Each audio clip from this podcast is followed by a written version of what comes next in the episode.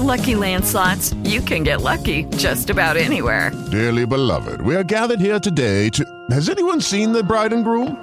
Sorry, sorry, we're here. We were getting lucky in the limo and we lost track of time. No, Lucky Land Casino, with cash prizes that add up quicker than a guest registry. In that case, I pronounce you lucky.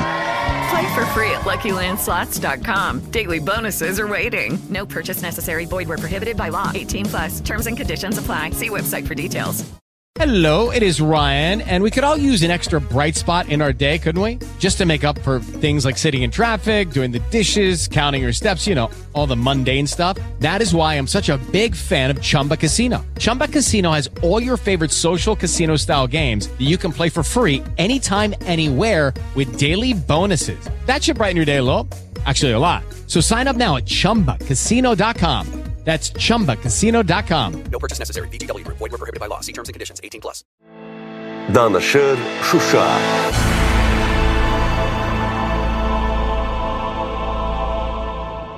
...2022 ildə Şuşa şəhərinin e, 270 illiyini biz qeyd edəcəyik. 1752-ci ildə Pənah Əlixan Şuşanın təməlini qoydu və e, gələn il bu yubileyi biz böyük təntənə ilə qeyd edəcəyik. E, Bu şanlı tarixi nəzərə alaraq e, və Şuşanın bərpasını sürətləndirmək məqsədi ilə mən gələn ili Şuşa ili elan edirəm. Azərbaycan Respublikası Mədəniyyət Nazirliyi Mədəniyyət Nazirliyinin yanında mədəni irsin qorunması, bərpası və inkişafı üzrə dövlət xidməti, Azər New Media şirkəti və Avto FM təqdim edirlər. Hər həftənin cümə günü günorta saat 3-də 107.7 FM-də danışır Şuşa. Şuşanın tarixini, memarlığını, abidələrini, adət-ənənələrini, mətbəxini, mədəniyyətini və böyük səfərə gedən yolunu bizimlə öyrənəcəksiniz. Unutma. Əməkdar memar Ədalət Məmmədov. Rasta bazardır, şeytan bazardır, aşağı bazar oxları istiqamətində küçənin yanları iri karvansaralarla zəngin idi, var idi. 2-3 mərtəbəli karvansaralar. Tarixi faktlar da bunu göstərir. Axı əvvəla Şuşanın indiki e, bugünkü tikinti tarixi çox qədimə getmir. Yazılı mənbələr özün göstərir, bilinir. Qalmış karvansaralardan bu gün məsələn Səfərov qardaşların karvansarası çox təəssüflər olsun ki, pis gündədir. Şükür Mirsəyoğlu karvansarası mərkəzdəki o e, Sovet dövründə də o bazar kimi istifadə olunardı. E, Şükür Mirsəyoğlu karvansarası. Sonra e, Ağa Qəhrəman Mirsəyoğlu iki qardaşlar oldu. Mirsəyoğlu karvansarası o vaxtı Sovet dövründə həm ticarət yeri kimi istifadə olunardı. Həm də onun aşağısında birinci mərtəbəsində emalatxanalar var idi. Dülgərlik, e, dəmirçilik orada istifadə olunardı. Sonra e, Ağa Muxtar karvansarası onun düzdür bir hissəsi sökülüb artıq pis günə qoyulubdu.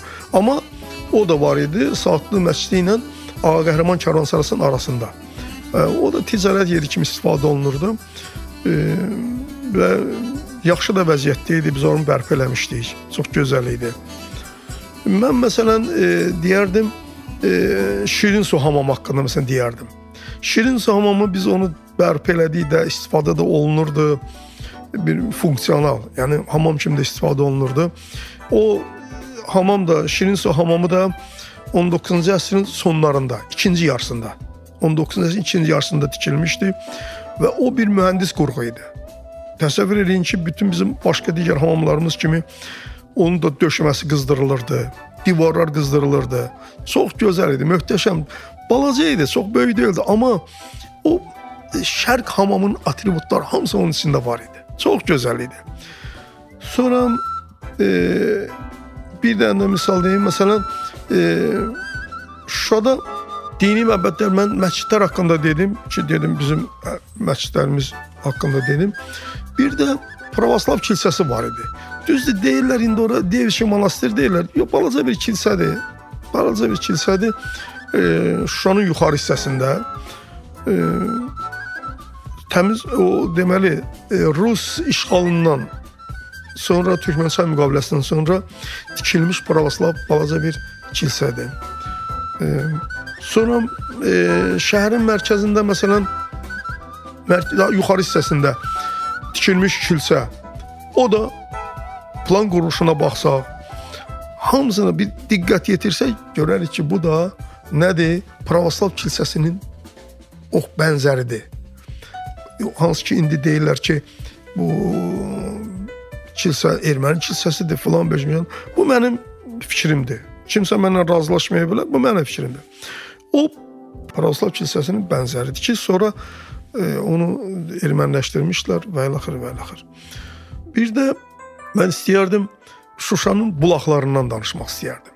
Biz e, bayaq qeyd elədim ki, hər bir məhəllənin özünün bulağı olubdu. Amma sual oluna bilər ki, dağın başında, orada bu bulaq suyu hardandır? Bəzi mənbələrə görə bu bulaq suyunu e, Şuşaya Natəvan çəkdiribdi. Bəli. Natəvan çəkdiribdi. Əlbəttə ki, Kifs dağından Kis dağından çəkilmiş bir sudur. Nə tək ki turş su gələrdi Şuşaya, elə də o su gələrdi ki, gələrdi dolardı həmin bulaqların e, çənlərinə. Bulaqlar bilirsiniz e, termos tipli tikilmiş bir qurğudur. Həndəsi e, mühəndis qurğudur. Onun içərisi elə bir düzəldilib ki, su tökülərdi ora. Mütlə orada sərin qalardı. Təsəvvür eləyin ki, termos tipli bir dənə bir qurğudur. Oradan yayın istisində içmə, su içmək istəyən insan buz kimi su içərdi. Adımda elə bir təəssürat yaranırdı ki, bu elə bulaqdan çıxır bu su. Yəni elə bir dənə qurğu yaradılmışdı.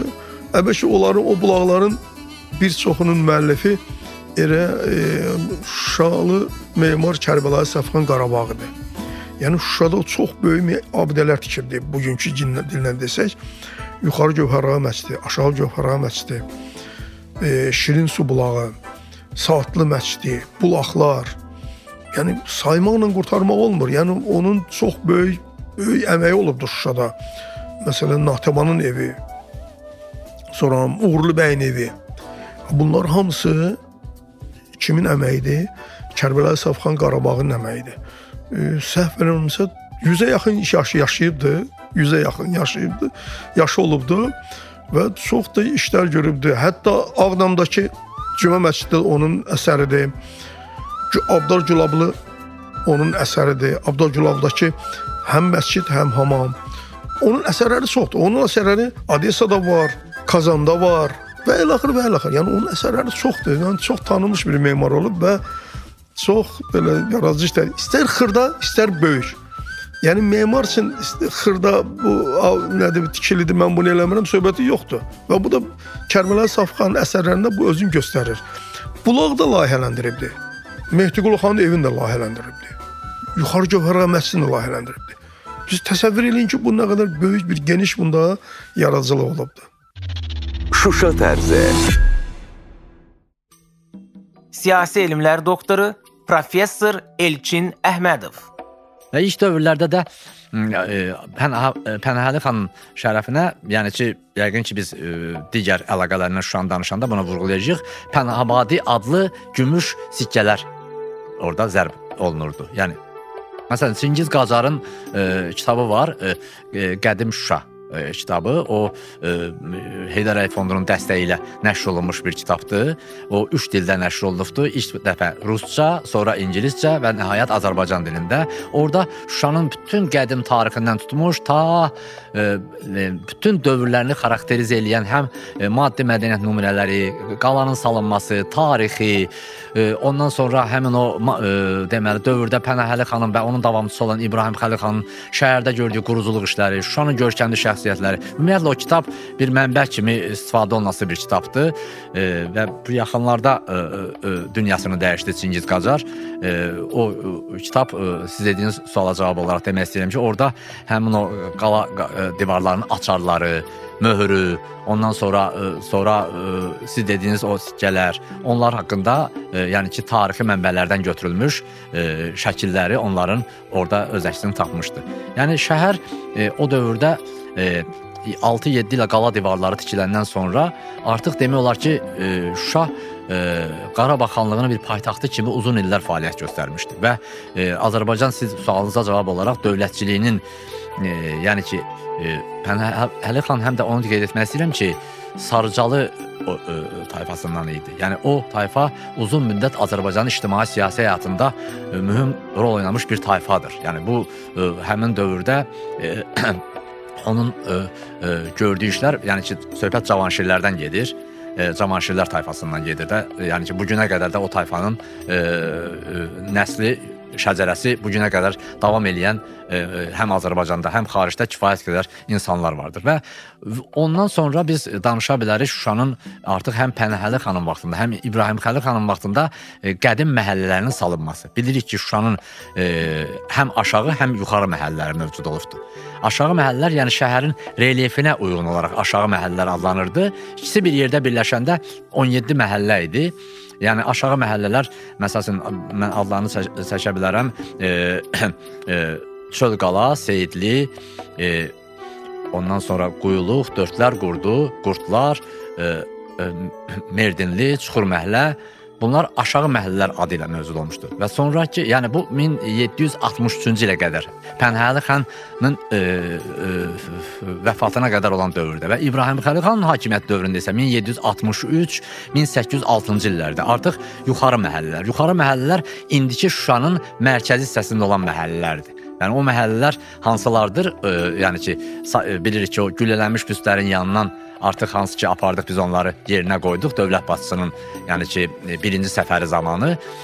Oradan başlayır Saatlı məhəlləsindən, yəni Saatlı, e, Mamayı, Köçərli, Xorcamircanlı, Ağadədəli, Dəmirçilər, Hamam qabağı və Təzə məhəllə. Bu 8 məhəllə də deməli artıq birləşərək 17 məhəlləni təşkil edir ki, onların da hər birinin hamamı, məscidi və bulağı mövcud olmuşdu.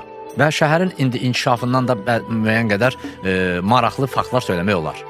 O vaxt e, region uğrunda e, kifayət qədər e, mübarizə də gedirdi. Yəni ki, həm e, Çar Rusiyası, həm e, İran, həm Osmanlı Türkiyəsi o dövrdə aparılan müharibələr, biz bilirik ki, o dövrdə e, Ahan Əhməd Şah Qacarın Şuşaya hücumu və ya yəni bütün bunlar, yəni ki, biz e, məsələn Sovet dövründə e, bir qədər mövcud ideologiyanın təsiri altında yazılmış kitablara baxanda o biraz fərqli yanaşılırdı. Amma müəyyən qədər e, Qarabağ tarixinin araşdırılmasına, yəni o vahid e, Azərbaycanın mərkəzləşmiş e, bir dövləti ətrafında Qarabağ xanlığı, bütün xanlıqları birləşdirmək e, üçün e, apardığı e, mübarizə və məsəl üçün indi biz Ağa Məhəmməd Şahqazara da bu dəqiqə fərqli biz prizmadan yanaşmalıyıq. Bəlkə də, yəni o da bəlkə birləşdirici bir amil kimi e, həmin şəxsiyyət çıxış eləyirdi. Yəni onu biz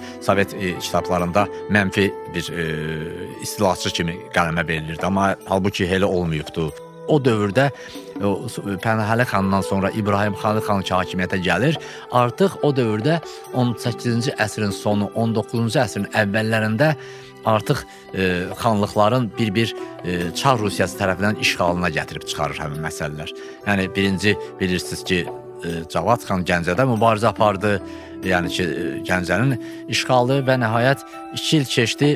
E, demək olar ki, 1805-ci ili nəzərdə tuturam. Çar Rusiyasının Qafqazdakı e, baş komandanı Siyanovla İbrahim xan arasında bir müqavilə imzalandı. Kürəkçən müqaviləsi. Buna antlı öhdəlik də deyilirdi. Burada bir maraqlı bir məsələ də var. Onu da ermənilər həmişə e, manipulyasiya eləmək istəyirlər, amma həmin o adını çəkdiyim kürəsən müqaviləsi ki, yoxdur. Çar Rusiyasının e, baş komandanı Siyanovla İbrahim xanın arasında imzalanmışdı. Orada İbrahim xan bütün maddələrdə deyir ki, mən Qarabağlı Şuşalı İbrahim xan. və ermənilərin dediyi kimi ermənilər orada mövcud olmuş olsaydı o vaxtlar, onda elə Siyanov hər hansı bir erməni ilə imzalayardı və ya orada səlahiyyət sahibi olmuş olsaydılar, İbrahim xanın yerində ermənilər olsaydı. Siyanov niyə İbrahim xanla imzalayırdı? Elə hər hansı bir erməni ilə imzalayardı. Bu yəni Bu tezis ifşa olunur ki, yəni bu xanlığın yiyəsi, sahibləri Azərbaycan türkləri, Azərbaycanlılar olmuşlar. Pənahəli xan, onun davamçısı İbrahim Xəlil xan. Onunla da imzalandı müqavilə 1805-ci ildə e, təəssüf ki, Çar Rusiyası öz verdiyi vədə e, xilaf çıxdı. E, İbrahim Xəlil xan 1806-cı ildə öldürüldü. Sonra isə 1822-ci ildə Qarabağ xanlığı e, ləğv olundu. Avropaya necə inteqrasiya eləmişdi? Necə inkişaf eləmişdi? Yəni şəhər. Təsəvvür eləyin ki, şəhər e, mən bunu Azərbaycan müəlliflərinin əsərlərindən demirəm. Yəni ki, kifayət qədər Vereshaginin e, çəkdiyi rəsmlər var, şəhərin inkişafı haqqında, onun fikirləri var. Sonra e, kifayət qədər Drazdovun əsəri var, e, e, Kafkaski Zbornik. Ondan sonra e, Kaf, e, Kafkas Vestnik jurnalının e, e, e, məcmuələri var. Kafkaski kalendar var. Və bunlarda göstərilən faktlar hansı faktlardır? Bir neçə dənə rəqəm demək istəyirəm sadəcə olaraq ki, görün ki, şəhər nə qədər inkişaf edilmiş. Yəni ki, Drazdovun kitabında 1903-cü ildə olan kitabda elə yazırdı ki, e, şəhər e, Yelizavetpol quberniyasının ən qabaqcıl şəhərlərindən biri idi və ticarətdə Tiflislə rəqabət aparırdı. Və şəhərdə 25 minə qədər əhalinin e, yaşadığını əminliklə söyləmək olar. Təbii ki, şəhərə o zamanki dövrdən başlayaraq Pənahəli xan kifayət qədər e, alimləri, sənətkarları toplamışdı. Onlar e, şəhərdə o zamanki Şuşa mühitində görün hansı indi biz təbii ki e, şəxsiyyətlərə də toxunacağıq. Mən o şəxsiyyətlərin üstündən keçməyə e, keçə bilmərəm. Çünki onların adını çəkəcəyik mütləq ki, çünki Şuşa mühitində e, dünyaya göz açmış o şəxsiyyətlər Azərbaycanın həm ictimai siyasi həyatında, həm mədəni həyatında görkəmli rol oynamışlar. Şəhərin deməli e, mərkəzi küçəsi var idi, e, Bazarbaşı meydan. Bazarbaşı deyilən hissə o bu gün hazırda güllələnmiş büstlərin e, qoyulduğu hissədir. Ora bazar başı adlanırdı. Meydan deyilən hissə isə Gövhərağa məscidinin düz qabağı idi. Qafqaz mirvarisi Xalq artisti Fərhad Bədəlbəyli Bədəlbəylilər soyu haqqında. Nə qədər yazıçılar, Çəmən Zəmənli, o qədər e, adları çəkməni əmindi e, kimsə inciyə bilər, kimsə nəvələrdən. Yəni e, mən demək istərdim ki, Şuşa çox şey verib Azərbaycana. Mədəniyyətdə, musiqidə, ədəbiyyatda, təsvir sənətdə, teatrda.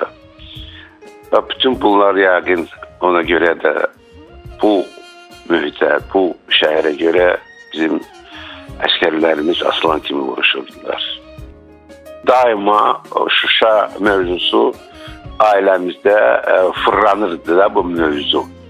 Həmişə ə, e, nənəm gildə, nənəm ə, e, şəhid plov hazırlayırdı və bütün uşaqlar, qadınları çağırırdı. Mən də balaca idi, qulaq asırdım. Onlar da bu məclis düzəldirdilər, musiqiçiləri dəvət edirdilər, şeirləri deyirdilər. Yəni bu bilirsiniz, ə, İndiki xanımlar restoranlarda otururlar, brilyantlardan danışırlar.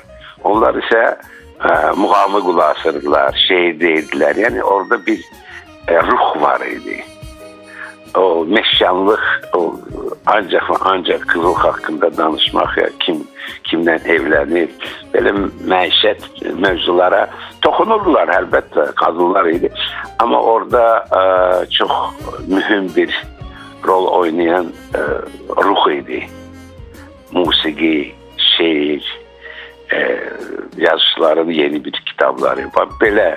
Ona görə əlbəttə Şuşa həmişə təhsil eləyirdi. Yəni çox kitab oxumalıydın, e, çox bilməliydin. E, cəmiyyətdə özünü çox ağır aparmalıydın. Və belə e, qanunlar var idi də, yazılmayan qanunlar var idi. Zəfər yolu. Şuşa döyüşlərinin iştirakçısı Baş leytenant Şəmsəddin Qurbanov. Onlar bizə atırdılar və səs, səs atırdılar. Ancaq bilmir, hara gəldi səfərləyirdilər atəşi. Mən həmin o ərazini döyüşdən qayıtdıqdan sonra həmin video kadrlarda gördüm ki, həmin o şəxslər biz atan şəxslərdir. Çünki həmin yeri ərazini tanıdığımıza, bildiyimizə görə mən təxmin elədim ki, həmin şəxslər, həmin o rus jurnalistlər o həmin çəkilişlər elədiyi yerlər bizə tanış yerlər idi. E, onlar düşün, e, onlar elə bilirdilər ki, biz yolla hərəkət eləyib onların qarşısına çıxacağıq, onların istədiyi tələyə düşəcəyik. Amma belə olmadı. Hansı ki, o qalxdığımız yüksəklikdən biz e, İsabulağı, Xankəndi yolunun üzərindən hansı ki e, Laçın dəhlisindən gəlir aşağı sol tərəfə Xankəndi dəhliz, Xankəndi istiqaməti e, uzun bir yoldur. Biz həmin yollarla, çaylarla, dağlarla, daşlarla səssiz bir sıx meşəli ilə irəlilədik. Hətta biz meşəliyin içində olanda ay, noyabr ayının 5-də o meşəliyin içərisində olanda e, bizdən 1 kilometr məsafədə erməni hərbi qulluqçularının mahnı səsləri eşidilirdi. Yəni biz onları məhv eləyə bilərdik, zərərsizləşdirə bilərdik, amma biz onları məhv eləsəydik, o niyyətimiz ortaya aşkara çıxacaqdı və bizim Şuşa əməliyyatı yəni sıfıra enəcəkdi, onu oradakı nailiyyətimiz. E, noyabrın 5-in ərəfəsində e, artıq düşmən e, çox təşvişdə idi. Onlar özlərinin ağır texnikalarından, ağır vasitələrindən bizə atəş açırdılar meşənin içərisinə. E, orada e, yenə də sıx meşəlik bizi müdafiə elədi, yəni bizi aşkara çıxarmadı. Yəni onlar e, biz tərəfdən onlara heç bir atəş olunmurdu. Çünki biz yerimizi bildirməli deyildik. Artıq noyabrın 5-i axşam tərəfi biz mövqeləndik meşənin içərisində. Düşmən bombardmanları, hansı ki, zərər texnikalarından bizim olduğumuz yerlərdə artıq atəşə tutmuşdular.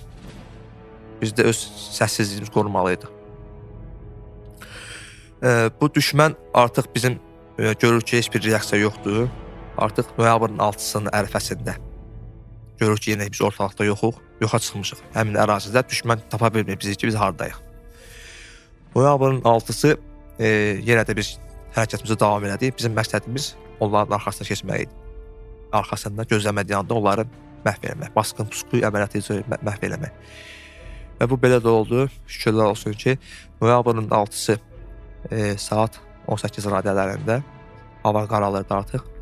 Və biz bu vaxtı onları gözləmədiyi anda bu Şuşa qalasının ön tərəfində yola çıxaraq onların bir çox şəxsiyyətini məhv etdik, texnikalarını məhv etdik. Hətta onların yardım üçün gələn KAMAZ avtomobil texnikası da var idi onların içərisində hansı yemək, su, ərzaq təminatı var idi. Onların hamısını məhv elədik, aşırdıq. Bütün nə ki texnikalar vardı, hamısı məhv olundu. E, təbii ki, biz beynəlxalq konvensiyalara daimə riayət eləmişik. E, biz bizim qarşımıza heç bir mülki şəxs çıxmayıb. Bütün qarşımıza çıxan şəxslər hamısı erməni terrorçuları idi. E, onların e, şəxs artıq biz onların e, ayın 3-də görürdük ki, e, cəmaatı artıq Laçın dəhlizindən qaçırlar. Avtobuslarla, kamazlarla və qaçırlar mən belə bir orada bir hiss keçirdim ki, e, kaş biz bunları onsuz da öldürməyəcəyik. Biz bunların kimi qatildir, terrorist deyilik. Sadəcə mən istərdim ki, o bizim Xocalıda olan hansı ki, Xocalı qaçqınları, məcbur köçkünləri var hansı ki, onlar sağ qalmaq üçün qarda, qışda müəyyən istiqamət yol alırlar, əli yalar. Onlar ölümlə üzdə olaraq ölüm həm düşmən ölümündən, həm də ki bu e, soyuq soyuqdan, qardan, don vurmadan ölümlə təhlükəsizliklə qarşı-qarşı olan şəxslərimizin qisasını biz bu cür almaq istərdik ki, həmin o qaçmaq istəyən mülki halini maşınların əlinə alıb onları elə əli yalın o bizim millətə yaşatdıqları həmin o hissləri onlara yaşatmaq idi. Amma təbii ki, biz öz başımıza bu qərarları verə bilməzdik və ona görə biz bu qərarları verməmişik deyə bu gündə e, biz qalibiyyətə nail olmuşuq. 6 tarixi bizim artıq Şuşaya ilk ayaq basdığımız yer idi. Çünki biz Şuşa ətrafı kəndlərinə, Xankəndi istiqaməti kəndlərindən biz artıq Şuşanın içərisinə daxil olmuşduq. Şəhərə yox, Şuşanın ətrafı yerlərinə. Hansı ki, Laçın dəhlizi deyirlər. Laçın dəhlizinin bir, bir, bir növ elə bil ki, biz e, biz yol çəkmişik. E, amma bizim çəkdiyimiz trayektoriyamız trayektoriyamız bizim yolumuzdan keçirdi. Yəni biz o həmin o trayektor çatmaq üçün biz yol qət etməliydik. Çünki biz o yolla getsəydik, düşmən artıq bizi açıq aşkar hədəfə alıb bizi məhv edə bilərdi. Biz müəyyən bir yol e, xəritəsi çəkdikdən sonra e, Şuşaya daxil olduq. Ayın 6-sı daxil olduğumuz qeyd etdim. Ayın 7-si səhər saat e, dan yeri ağarmamış artıq Şuşa qalası bizim əlimizdə idi. Hansı ki o qala 3 yola nəzarət edir. Şuşaya qalxan yol, Xan kəndindən gələn yol və Laçın dəhlizindən olan yol 3 yol birləşir orada. Həmin yol artıq bizim nəzarətimizdə idi. Düşmən bununla da öz məğlubiyyətini etiraf elədi. Amma bununla belə biz düşmənimizi e, taktiki qaydada da olsa, belə ümumi qaydada olsa biz düşmənimiz özümüzü zəif bilməli deyilik. E, biz düşmənimizi zəif biləriksə, onda özümüz zəifik. Düşmən son damla qanına qədər çalışırdı ki, son anlara qədər çalışırdı ki, torpağı əldən verməsin. Şuşa tərzi. Şuşa tərzi Milli Kulinariya Mərkəzinin direktoru Tahir Bir Əmiraslan. sizə deyim ki, paytaxt mətbəxləri həmişə bütün ərazinin özündə mətbəxini, ə, ərazinin mədəniyyətini özündə ifadə istiva edir. Buna görə də əlbəttə ə, Şuşa mətbəxi anlayışında həm də Qarabağ mətbəxi anlayışı daxildir, amma biz indi Qarabağ mətbəxi kitabına yeni variantda hazırlayırıq. Orada hər bir bölgə ayrılıb, hər bir rayon ayrılıbdır və özünə daha çox məxsus olan əlbəttə ki, o var. Hamısı Azərbaycan mətbəxinin tərkib hissəsidirlər və xörəklərdə oxşarlıq var, amma öz xüsusiyyətləri də var. Məsələn, Şuşada boyana plov indi onu şutla da bişirirlər, ə, boyana ilə də. O biri plovlardan, o biri hətta şut plovlardan ə, biraz fərqlidir. Məsələn, ə, Şuşa plovunda ə, bu boyana plov eləmək üçün ya şut plov eləmək üçün düyünü şüyütlə bir yerdə hazır yöndən dəmləyəndən sonra ə, o düyünün altında ə, bütöv toyuq bişirirlər. Toyuq plov altı olur. Sonra düyü dəmlənməmişdən qabaq üst qatını götürür, üstündə qazanın içində o düyünün üst qatında çuxurlar açırlar və həmin çuxurlara ə, yumurtanı bütöv qırıb vururlar orada. Üstünü yenə düyünlə örtürlər və orada düyü də ə, belə yumurta da düyünlə bərabər dəmlənir, yetişir, pişir. Və sonra bunları süfrəyə verəndə hər bir adama bir yumurta, ola bilər yarım yumurta kəsilib qoyulsun. Bu düyü qoyurlar, e, sonra toyuq qoyurlar və yanında qatıq verirlər. Çünki bu plovun qarası daha çox qatıq, qatıqla yeyilir. Bu biraz e, fərqlidir. Bundan başqa e, Şuşada e, balva eləyirlər. Balva daha çox əmənçidən olur və e, quzqulağı filan bunları da qatırlar. Çox e, dadlıdır, yeməkdir və bu orada çox yaygın olan xörəklərdir. Qalan yeməklər, Qarabağ yeməkləri çox geniş Azərbaycanın ə, bütün bölgələrində olan çox gözəl yeməklərimizdir. Əlbəttə orada ə, balıq biraz azlıq təşkil edir. Çünki əhalinin əsas məşğuliyyəti, heyvandarlıq idi. Onda ə, heyvandarlıqla və əkinçiliklə olan xörəklər, oradan gələn ərzaqlarla pişən xörəklər daha üstünlük təşkil edir. Dağ rayonlarında daha çox əlbəttə ki, xörəklər ət xörəkləridir. Qarabağ qoyunlardan quyruğu yadınızdadırsa, özündən ağır olurdu. Hətta onun quyruğunun altına təkər qoyurdular ki, o e, quyruq belini sındırmasın və heyvan gəzə bilsin. Və e, çox belə az fərqlər var. Fərqli bir xörək məsələn Zəngilanda var, qablama bu Asiya stilidir. Məncə e, bizdə qalıb o vaxtdan ya Urardan hardansa gətirmiş, Zəngilanda qalıb qablama deyirlər. E, məsələn ət e, süfrəyə veriləndə ə, pişmiş ət haricə, pişmiş toyuq ayrı, pişmiş kartof, tərəvəzlər filan, xud hamısı ayrı-ayrı verilir. O Azərbaycan hər yerində bişiriləndir, qatlamadır, fəsəlidir, filandır. Bunlar hamısı ə, Şuşanın mətbəxi, Qarabağın mətbəxi daha çox Gəncəbasar, Qazaxtoz mətbəxindən uzlaşır. Çünki o vaxtı Vaqif Vəzir oradan gələndə Şuşaya öz qohum qardaşlarını da gətirmişdi. Onun böyük təsiri var orada. Çox sadə şirniyyətlərdir. Paxlava şəkər bura sonra getdi və Xan Sarayı var idi. Əlbəttə ki, o ə, əvvəlcə Səfəvilər, sonra Qacarlar gələndən sonra o sarayda olan yeməklər, saray yeməkləri də Qarabağın Qacar ailəsində, Qacarlarda, məsələn, Bərdədə Qacarlar ailəsindən var idi. Bütün xanlar ölkədə axırıncı etapda Qacarlardan idi. Ona görə o ailə mətbəxində gətirmişdilər. Bu təbii bir prosesdir. Şuşanı Qarabağdan və Qarabağ mətbəxində Azərbaycan mətbəxindən ayırmaq qeyri-mümkündür. Bilirsiniz ki, vaxtilə xan qızının atadan meyvə quruları hazırlanmışdı. Zoğaldan, kişmiş filan bunlardan və Sankt Peterburqda 2-ci Umrus sərgisində orada məncə gümüş medal da almışdı. Bu şeylər var. O bölgədə indi biraz aşağıya gələndə Bərdədə e, Bərdənin e, Şabalıdı 9-cu əsrdə hətta Suriya şabalından da verdilər ki, üstündə və çox yüksək qiymətləndirilirdi. Bölgədəki tut ağacları falan bunların haqqında ərəb səyyahlarda çox yazıblar, amma Şuşa xanlığı yaranandan sonra bir sıra dəyişikliklər getdi və bax bizə məlum olan, hələ mənim yadıma gələn Natavan xanımın Xoşudbanının o göstərdiyi həmin o meyvə quruları idi və onlarla bişirilən yəqin çaşlar, filanlar bunlara vuruldu. Danışır Şuşa.